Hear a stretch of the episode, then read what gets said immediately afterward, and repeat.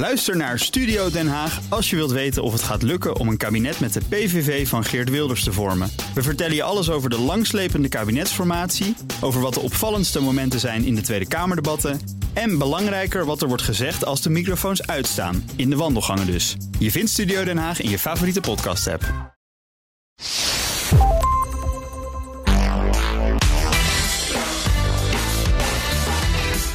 Welkom bij de Ben Tichelaar podcast. De podcast over persoonlijke en professionele ontwikkeling. Bijna één op de twee huwelijken eindigt in een scheiding. En zo'n scheiding heeft een immense impact op het leven van alle betrokkenen. Dat geldt niet alleen voor je privéleven, maar ook voor het functioneren in je werk. Schrijver en journalist Frank van der Linden, mijn gast van deze week, die kan daarover meepraten. De vechtscheiding van zijn ouders bepaalde de koers van zijn leven. Zelf trouwde hij drie keer en scheidde hij tweemaal. En nu wijdt hij een jaar van zijn leven aan het terugdringen van vechtscheidingen. Welkom Frank. Hi. Onlangs verscheen jouw boek. En altijd maar verlangen. Prachtig boek trouwens. Dat wil ik direct even zeggen Merci. aan het begin. Ja. Over de scheiding van je ouders. Ik heb het gelezen. Ik vond het een mooi en ontroerend boek. Kun je kort iets vertellen hoe die scheiding van jouw ouders verliep? Ja, dat was echt een uh, drama met hoofdletter D. Dat kan ik naar eer en geweten zeggen, zonder te overdrijven. Uh, zo tussen mijn tiende en mijn dertiende, veertiende vochten mijn, mijn vader en moeder in feite een soort van amoureuze oorlog uit. Dat ging uh, gepaard met bedrog. Mijn moeder had een relatie met een andere man. Dat ging gepaard met gemeenheden. Dat ging gepaard met geestelijk geweld en soms ook met fysiek geweld. Ja. Ja, eigenlijk was het allerergste dat mijn moeder maar niet kon besluiten. Uh, wilde zij Jan, mijn vader, de trucker, of wilde ze John, de man uit de bolle schuur waar ze was gaan werken. Uh, en dat niet kunnen kiezen, dat leidde tot allerlei narigheid om te beginnen voor haarzelf. Ja. Soms dan uh, verdween ze in een inrichting, verzenuwd. Soms keerden ze weer terug. Soms ging ze weer naar die John. En andere momenten stond ze op het spoor en moesten daar uh, door familieleden van af worden gehaald. Nou, dat krijg je als kind natuurlijk allemaal mee, direct ja. en indirect. En uh, dat snijdt er dan wel in. Ja, in het boek heb je het geschreven in de vorm van brieven aan je moeder, je vader, soms ook aan je moeder en vader tegelijk. Ja. En het zit vol met dat soort observaties van, van eigenlijk van ja, de herinneringen nog die je hebt van wat er toen allemaal is gebeurd. Ja. Mhm. Ja, heel bijzonder. Je zegt, je moeder, dat vond ik ook zo'n opmerkelijk punt. Want ze was een soort, ja, bijna een soort femme fatale zou je kunnen zeggen. Ja, de, de, ja. de Greta, je schrijft de Greta Garbo van de Hillegom, schrijf je op een gegeven Ja, mijn vader die vond niks mooier dan over de kermis uh, zwieren met haar uh, aan zijn arm. Want ze was een regelrecht stuk. En dat was niet alleen zo in de ogen van mijn vader. Uh, er zat om de zoveel tijd wel een oom bij ons op de rand van de bank op een middag. Dat mijn vader met zijn DAF in Groningen of in Goes verkeerde. En die oom die keek niet naar mijn moeder in de trant van wat hebben we hier nou toch een uh, geweldig diepgaande discussie over de politiek van uh, Laos tussen de twee wereldoorlogen. Die keek naar iets anders. En dat gold ja. ook voor de pastoor van de katholieke kerk die al te vaak langskwam. En de buurman. En ja, zij was wat je noemt uh, een, een vamp. Ja. Uiteindelijk hebben jullie, uh, jij en je zus, er ook echt voor gekozen om niet naar je moeder te gaan. En om bij je vader te blijven. Jullie vonden ook dat zij het gezin enorm had verraden. Dat was feitelijk ook zo. Hè. Ik bedoel, zij liet mijn zus Desiree briefjes voor John onder een bank in het Van Nispenpark in Hillegom uh, leggen. Ze zei tegen mij, uh, nou het is afgelopen met John. En een avond later stond ze in de keuken met hem te vrijen. Terwijl wij naar Catweasel zaten te kijken, maar niet heus.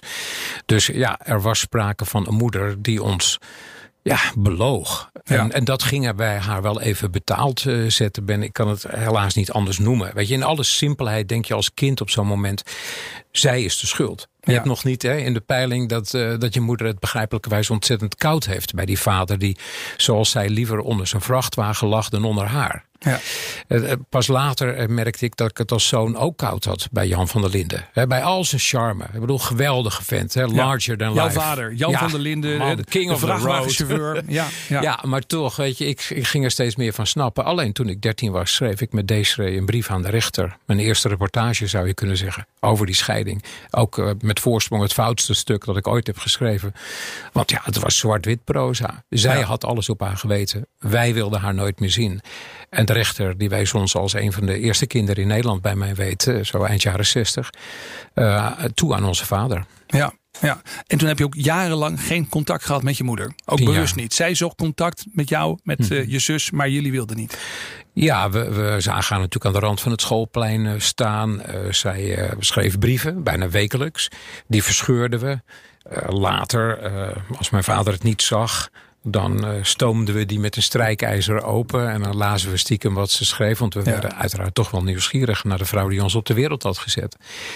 En uiteindelijk, mede door het toedoen van mijn eerste vrouw, die uh, besloot met mijn moeder te gaan corresponderen, uh, besloten wij om ja, mijn moeder weer te zien. Ja. En nou, dat was een van de mooiste momenten van mijn leven. Jij hebt je moeder tien jaar niet gesproken. Je vader en je moeder hebben elkaar 40 jaar niet gesproken.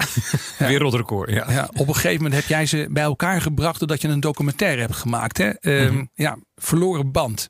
Ja, dat eh, heb ik samen met de regisseur Gisella Malland gedaan. Had zonder haar nooit eh, gekund. Mijn moeder kreeg op een zeker moment Alzheimer. Wij hadden toen alweer een jaar of 25 contact en dat was geweldig. We waren eigenlijk bijna te intiem, zou je kunnen zeggen. We hadden het over alles, inclusief wat we seksueel fijn vonden. Ik zou het niemand aanbevelen te doen met je moeder. Anyway, dat ging heel erg eh, goed, maar zij kreeg Alzheimer. En toen besefte ik dat we nog maar heel weinig tijd hadden om een laatste poging te ondernemen. Mijn vader en moeder daadwerkelijk met elkaar in gesprek te brengen. Dus ik vroeg hen: uh, zou ik jullie voor een tv-documentaire uh, ja, mogen interviewen met als kernvraag: willen jullie echt zo dood? In deze bitterheid, uh, met deze pijn. Ook voor mij en voor deze. en zij, zij zeiden eigenlijk binnen een minuut ja. Ja. Gek hè? Ja. Zo, lang, nou, zo, lang, uh, zo lang geen contact. En op een gegeven moment zeg je van pa, bedoel, dit is de laatste kans. En dan zeg je oké dan. Ja, ik denk dat het er veel mee te maken had. Ben dat um, ze elkaar uh, op die manier uh, niet hoefden te ontmoeten, maar wel uh, elkaar konden toespreken. Ja. En dat ze beide de illusie hadden, als ik nou maar goed uitleg aan die ander en aan de wereld hoe gelijk ik heb, hè, ja. dan gaat iedereen dat dan zo, zo zien. Alsnog gelijk misschien. Dat, dat was, een deel, jaar. was een deel van het geheim van die documentaire formule. Maar ja, zoals wij allemaal weten, er is geen gelijk in de liefde. Nee. het is een dans en je danst hem met z'n tweeën. En de plek waarop je belandt, hè, op de dansvloer van het leven, dat is beider verantwoordelijkheid. En uh, mijn vader en moeder begonnen toch ook wel in de loop van dat filmproces uh, in toenemende mate te beseffen uh, dat ze alle twee ja, iets op hun schouders hadden van dat, ja, dat. Ja, ja, nou heel veel uh, wordt in het boek natuurlijk beschreven. Mhm. We hebben vandaag niet zo heel veel tijd met elkaar. Maar ik wilde toch eventjes even proberen dit verhaal uh, ja, zo, zo rond te krijgen. Ja, dat mensen die ernaar luisteren, die het verhaal niet kennen, zoiets hebben. Nou kijk, ik begrijp een klein beetje wat er is gebeurd. En ik begrijp dus nu, hey, beide ouders zijn nu ook mhm. overleden. Je hebt nu het boek geschreven. En nou ja, we gaan straks nog wel even over het boek hebben. Maar ik wil ook even naar jouzelf nu. Je zijn er net al eventjes tussendoor mijn eerste vrouw. En ik zei in de introductie al, ja, twee keer getrouwd. Of sorry, drie keer getrouwd. twee keer gescheiden. Ja. ja. je bent ook wel ervaringsexpert zelf geworden op dit gebied. Zie jij een verband tussen jouw jeugd en die vechtscheiding van je ouders en je eigen echtscheidingen? Mm-hmm. Ja, daarover theoretiseer ik natuurlijk ook wel uh, in en altijd maar uh, verlangen. Want ja, wat maakt een mens? Dat is een, een, een antwoord dat ik al 40 jaar als portretterend interviewer zoek. Ja. Uh, komt het door genen? Komt het door je opleiding? Komt het door, door de oorlog die je hebt meegemaakt? Of te weinig appels die je hebt gegeten? Te veel zon op je bolletje? Er zijn zoveel dingen die een mens maken. Kijk, ik, ik kan zelf mijn twee scheidingen niet loszien van het, ja, het geestelijke gegeven, zou je kunnen zeggen mentale gegeven, dat ik jarenlang heel bang ben geweest om mezelf echt te binden. Ja. Dat zou je kunnen relateren aan die, die, die ellendige scheiding van, van mijn vader en moeder. Maar ja, mijn zus, deze, die precies hetzelfde heeft meegemaakt. Ja. Uh, die, die is al, al 40 jaar met dezelfde man. Heeft twee kinderen. Is gelukkig en evenwichtig. En niet zo'n bewijsdriftig baasje als, als ik. Ja. Uh, ik. Ik heb heel veel publiekelijke uh, lof gezocht, zou je kunnen zeggen. En zij was heel dienstbaar in de zwakzinnige zorg. voor mensen met hersenletsel. Nu suïcidale ja. jongeren. Ja, totaal ander iemand uit dezelfde reageerbuis. Ja, je ziet ook wel hè, dat, dat als je dan naar de literatuur kijkt. Dat, dat mensen soms op een scheiding enorm reageren. Door juist heel invoelend te worden. Ja. Omdat ze beide ouders naar de zin willen maken en blijven pendelen tussen de ouders. En anderen die ja, misschien een soort verdedigingsmuur opwerpen. Jij schrijft mhm, ergens in mhm. het boek uh, dat je jarenlang moeite hebt gehad met echt voelen. Je schrijft letterlijk, uh, vaak dacht ik in de spiegel een soort Eskimo te zien. Mhm, Iemand die ijzig door het leven ging. Is, is jouw gevoel afgestompt door die scheiding? Nou, weet je, dit is de moeilijkste vraag van mijn leven. Ik, um, nou ja, afgezien van de vraag waarom ik niet aan kinderen ben toegekomen en mijn zus wel. Ik, ik kan het toch niet anders uh, zien vooralsnog dan als een reactie, een, een, een zelfbeschermingsmechanisme om mijn gevoelskern heen. Een soort van wal die ik heb aangelegd. Omdat het daar gewoon te veel pijn deed. Zeker toen uit het tweede huwelijk van mijn vader een jongetje voortkwam, Benno. En hij pal achter mijn slaapkamer eh, onder de wielen van een vrachtauto van ons eigen transportbedrijf kwam en stierf. Twee jaar oud was hij, geloof ja, ik. Ja. ja, en dat was niet zo heel lang na die scheiding. Weet je, ik kon dat er niet, niet bij hebben gewoon. Nee. Ik, ik huilde ook niet. Desiree wel. Uh, ik uh, wilde er eigenlijk ook niet over hebben. Desiree wel. Dus toen merkten we al dat we verschillend waren. En ik ben nou, 40 jaar doorgegaan met niet kunnen huilen. Was het voor dit proces ook nodig om dit boek te schrijven? Dat is een mooie. Um, nou, ik, ik voel me echt 100 of 97,5 kilo, hoeveel is het precies, lichter dan voor de publicatie van deze bundel. Ja. Ik, uh, ik ben blij dat ik me heb bekend, zal ik maar zeggen. Dat ik heb durven schrijven dat ik zo lang niet kon voelen. Dat ik me nu af en toe een sentimentele dweil voel. Ja. En dat ik wel heel snel bij de eerste, de beste uh, aflevering van Goede Tijden, Slechte Tijden een, een, traan moeten wegpinken. Het zal op een gegeven moment wel weer zijn evenwicht vinden, uh, hoop ik. Maar ja, dat is nu even zo. En ik heb dat er graag voor over om nu uh, te chargeren in mijn ja. vermogen om, om te voelen. Was, was het ook de opzet? Was het het plan waarmee je dit boek schreef? Ging het erom om je eigen verhaal rond te krijgen? Of was het ook echt voor de, is het ook echt voor de buitenwereld? Hoe, of, mm. of van beide een beetje? Hoe moet ik dat zien? Het is zeker zo uh, dat ik meer vat op mezelf wilde krijgen. Hè? Want schrijven is uh, een, ja, een verhevigde vorm van denken, uh, maar ook van voelen, heb ik gemerkt. Ja. Het is vormgeven aan. Ieder mens moet op verhaal komen. Nou, ik ben op mijn verhaal gekomen, zou je kunnen zeggen. Dat gebeurt veel meer als je uh, zo'n boek schrijft dan wanneer je een film maakt. Want de montage wordt gedaan door, door die regisseur. Samen met een editor. Dus ja, het was voor, om te beginnen voor mijzelf. Maar ik heb het ook geschreven met de illusie zou je kunnen zeggen. En dat was een domme, een domme manier van denken. Dat ik ouders die nu aan het knokken zijn met elkaar... Uh, zou kunnen leren dat ze dat zo niet moeten doen. Heel, heel ja, onbegrijpelijk dat ik dat heb gedacht. Want dat, dat kan niet. Je kan mensen niet uh, bestoken met de mededeling... waar twee vechten hebben, twee schuld, gedraag je. Dat werkt niet. Maar ik heb gelukkig wel ontdekt de afgelopen maanden... Eh, het boek ja. verscheen in januari... dat veel ouders die aan het vechtscheiden zijn... zich te barsten schrikken van de effecten ja. van dat proces op een kind. Ja, maar dat is natuurlijk ook prachtig aan ja. dit boek. Het is niet een ja. belerend boek. Maar door, jou, Ik voor, door de vorm van het boek, die persoonlijke brieven, waarbij je ook jezelf niet spaart, mm -hmm. veel emotie laat zien. Hè. Ik vind het een ontroerend boek op, op, op verschillende mm -hmm. plekken. Uh, dan ga je echt meevoelen met, ook met dat kind. Met het kind Frank, zeg maar, dat dit allemaal ja. van dichtbij heeft meegemaakt. En dat zijn hele leven. Komt. Ja, precies. En zijn hele leven meesleept. Nou, dat, dat hoor ik echt terug ben van, van, van lezers. Van, uh, ook, ik heb 1400 mails gekregen in drie maanden. Dat is wel heel veel. Dat is ja. krankzinnig. Heb ik nooit gemaakt, meegemaakt in mijn journalistieke loopbaan. Maar in heel veel van die brieven staat... ik zit in zo'n rotproces met mijn ex. Uh, en ja, uw boek houdt mij de spiegel voor. Uh, natuurlijk moeten we het uh, een beetje voorzichtiger aandoen. Want ons kind. En ik besef dat, dat ik moet voorkomen dat mijn zoon, dat mijn kind... op zo'n manier in de knel raakt als u in de knel bent gekomen. En ik neem uw verhaal ter harte. Nou, terwijl nergens staat. Hè, van vaders, moeders... Uh, pas op uw kind, doe dit niet. Nee. Maar dat reist blijkbaar uh, gevoelsmatig voor hen uit dat boek op. En dat vind ik een, een ja, zegen. Ja, je gaat je, gaat je associëren met die, ja, de brieven schrijft, maar ook met de mensen over wie de, de brieven gaan natuurlijk. Mm -hmm. hè? Nou ja, je zou ook zelfs kunnen zeggen dat het proces wat jij beschrijft, niet alleen maar het, de, de, scheiding, als wat erbij komt kijken, mm -hmm. wat een les is misschien voor ouders die nadenken over scheiden of niet, maar dat het ook een les is in, uh, nou ja, in het reinen komen met je verleden. Door dat herinterpreteren, dat opnieuw kijken, ja. dat, dat aanspreken van je ouders, hoewel ze al overleden zijn, mm -hmm. in de vorm van brieven. Volgens mij heeft dat ook een therapeutische werking. Ja, ja, maar ja. ook ja. voor de mensen met, met wie ik leef natuurlijk. Hè. Ik heb de twee brieven in, de, in dit boek die over mijn mislukte huwelijken gaan. Nou ja, dat zeg ik verkeerd. Over de huwelijken die eindigden. Want ja. daar zaten heel veel gelukkige jaren bij. Die heb ik laten lezen aan Annette, mijn uh, tweede echtgenote. En aan ja. Lineke, mijn eerste vrouw. En gezegd, dit is hoe ik terugkijk op die jaren met, met jou. Hoe lees jij dat? Uh, kwets ik jou daarmee? Ervaar je het als evenwichtig? Ja. Uh, vind je dat het in een boek kan? Vind je dat het niet kan?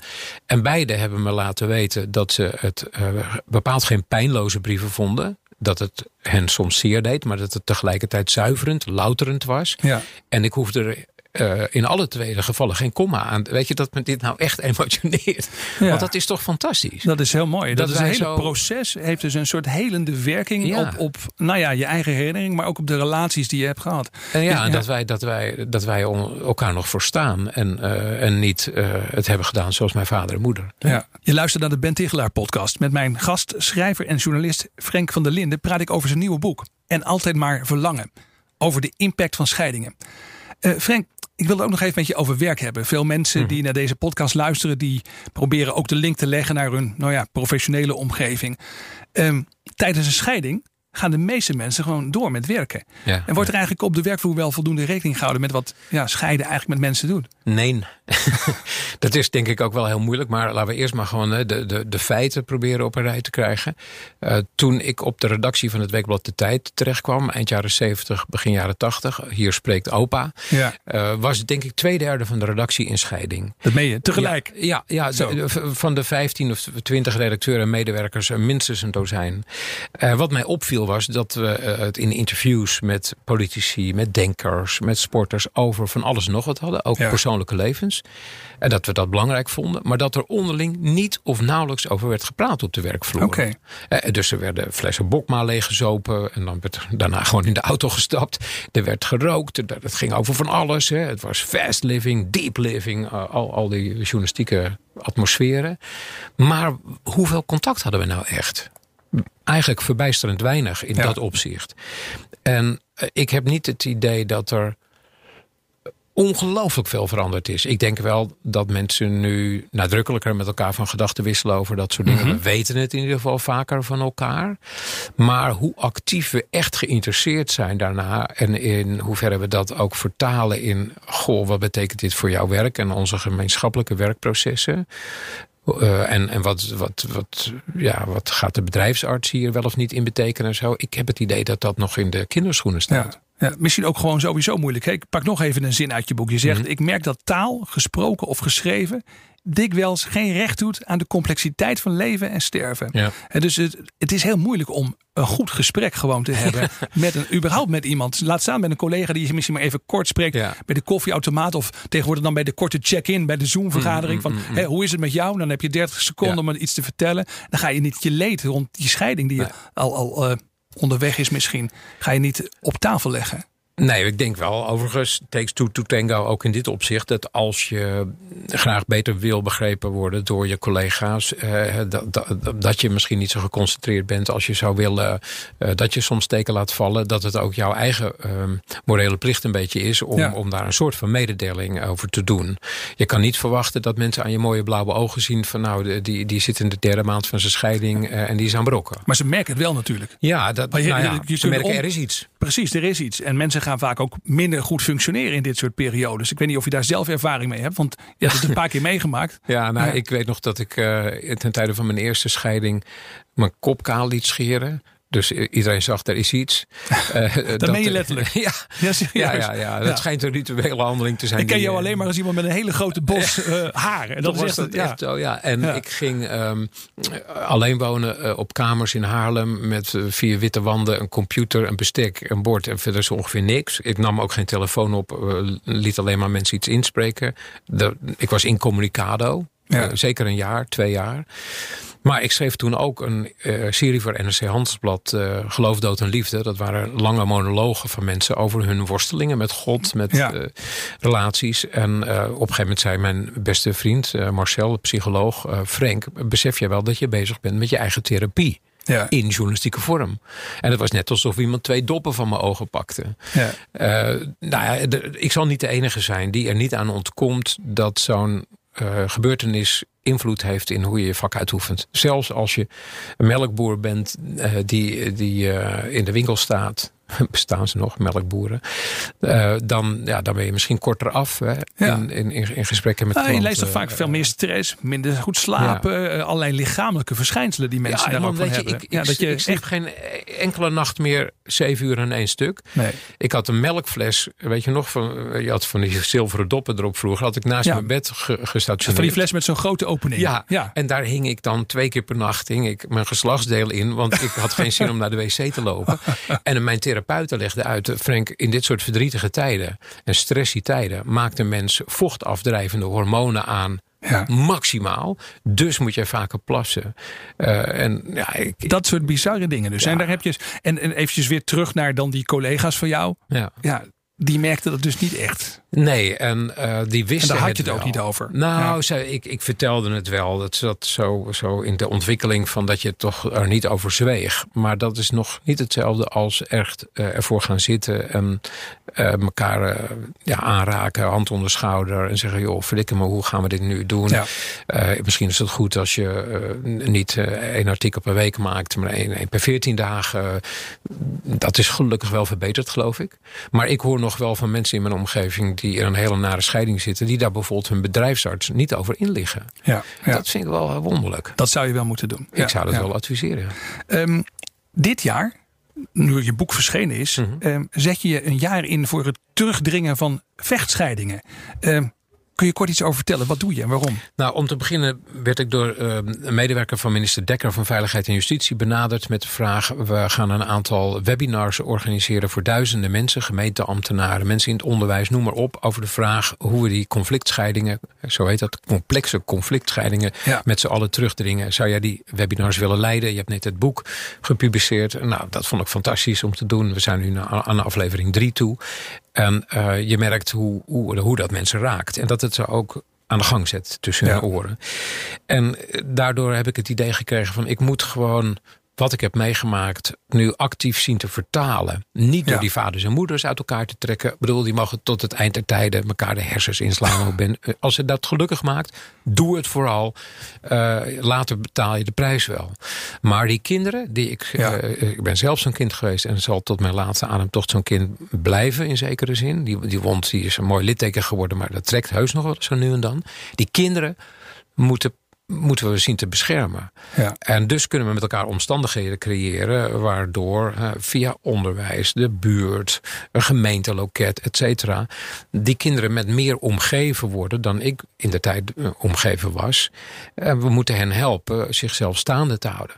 Nou, ik ben om te beginnen ambassadeur van Villa Pinedo. Dat is een platform voor uh, kinderen die ouders hebben die aan het knokken zijn. Ja. En nu wil ik uh, echt provinciale werkconferenties beleggen. In 2022 in elke plaats als Zwolle, uh, Middelharnis, of sorry, Middelburg, Maastricht, noem maar op. Ja. Over de vraag, in deze regio moeten jeugdzorg, raad voor de kinderbescherming, psychologen, onderwijs echt één taal gaan spreken over dit probleem. Ja. Hoe zorgen we daarvoor? Welke termen gebruiken we voor dit, gebruiken we voor dat? Wat wordt het traject dat wordt gevolgd als een kind hè, in zo'n positie belandt? Wie doet wat wanneer? Hoe stemmen we dat beter op elkaar af? En dat gaat ongetwijfeld tot helemaal niks leiden.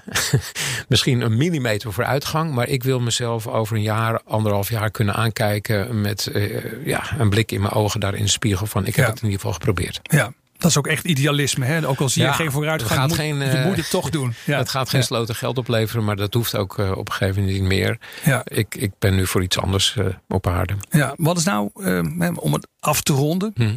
wat is nou een les waarvan je zegt, nou die heb ik zelf echt geleerd, die zou ik mensen graag meegeven. Iets misschien waarvan je zegt, nou nu ik zelf ook in mijn derde huwelijk zit, Ja. Dit is iets wat ik heb geleerd, dit doe ik. Ja, nou, wat, wat ik zowel in de journalistiek als in mijn privéleven eigenlijk het belangrijkste vind, is het besef um, dat het zo leuk is om ongelijk te krijgen. Want gelijk had ik al. Ja. En daar is geen flikker aan. Applaus. Je hebt gelijk, goed.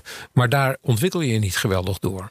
Maar onder ogen zien van hé, hey, het zit ingewikkelder met de buitenlandse politiek van Brazilië. Uh, of met utopische wandtegels. Of met auto's die door de Wieboudstraat vandaag of, rijden. Of met mijn relatie. Of met mijn relatie. Precies, ja. ja, ja. Dat brengt je verder. Dan, dan ben je nog in ontwikkeling. Dan, dan versta je die ander beter. Verstaat zij of hij jou beter. En dat, dat mag je vooruitgang noemen.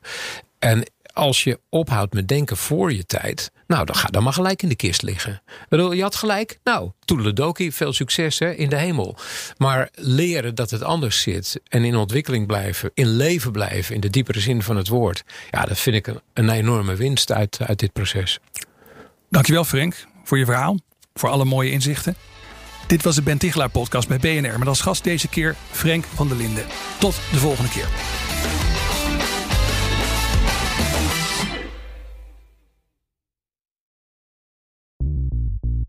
BNR ben je altijd als eerste op de hoogte van het laatste nieuws. Luister dagelijks live via internet. Bas van Werven. En heel langzaam komt de zon op rond dit tijdstip. Je krijgt inzicht in de dag die komt op BNR, het Binnenhof in Nederland en de rest van de wereld. De Ochtendspits. Voor de beste start van je werkdag. Blijf scherp en mis niets.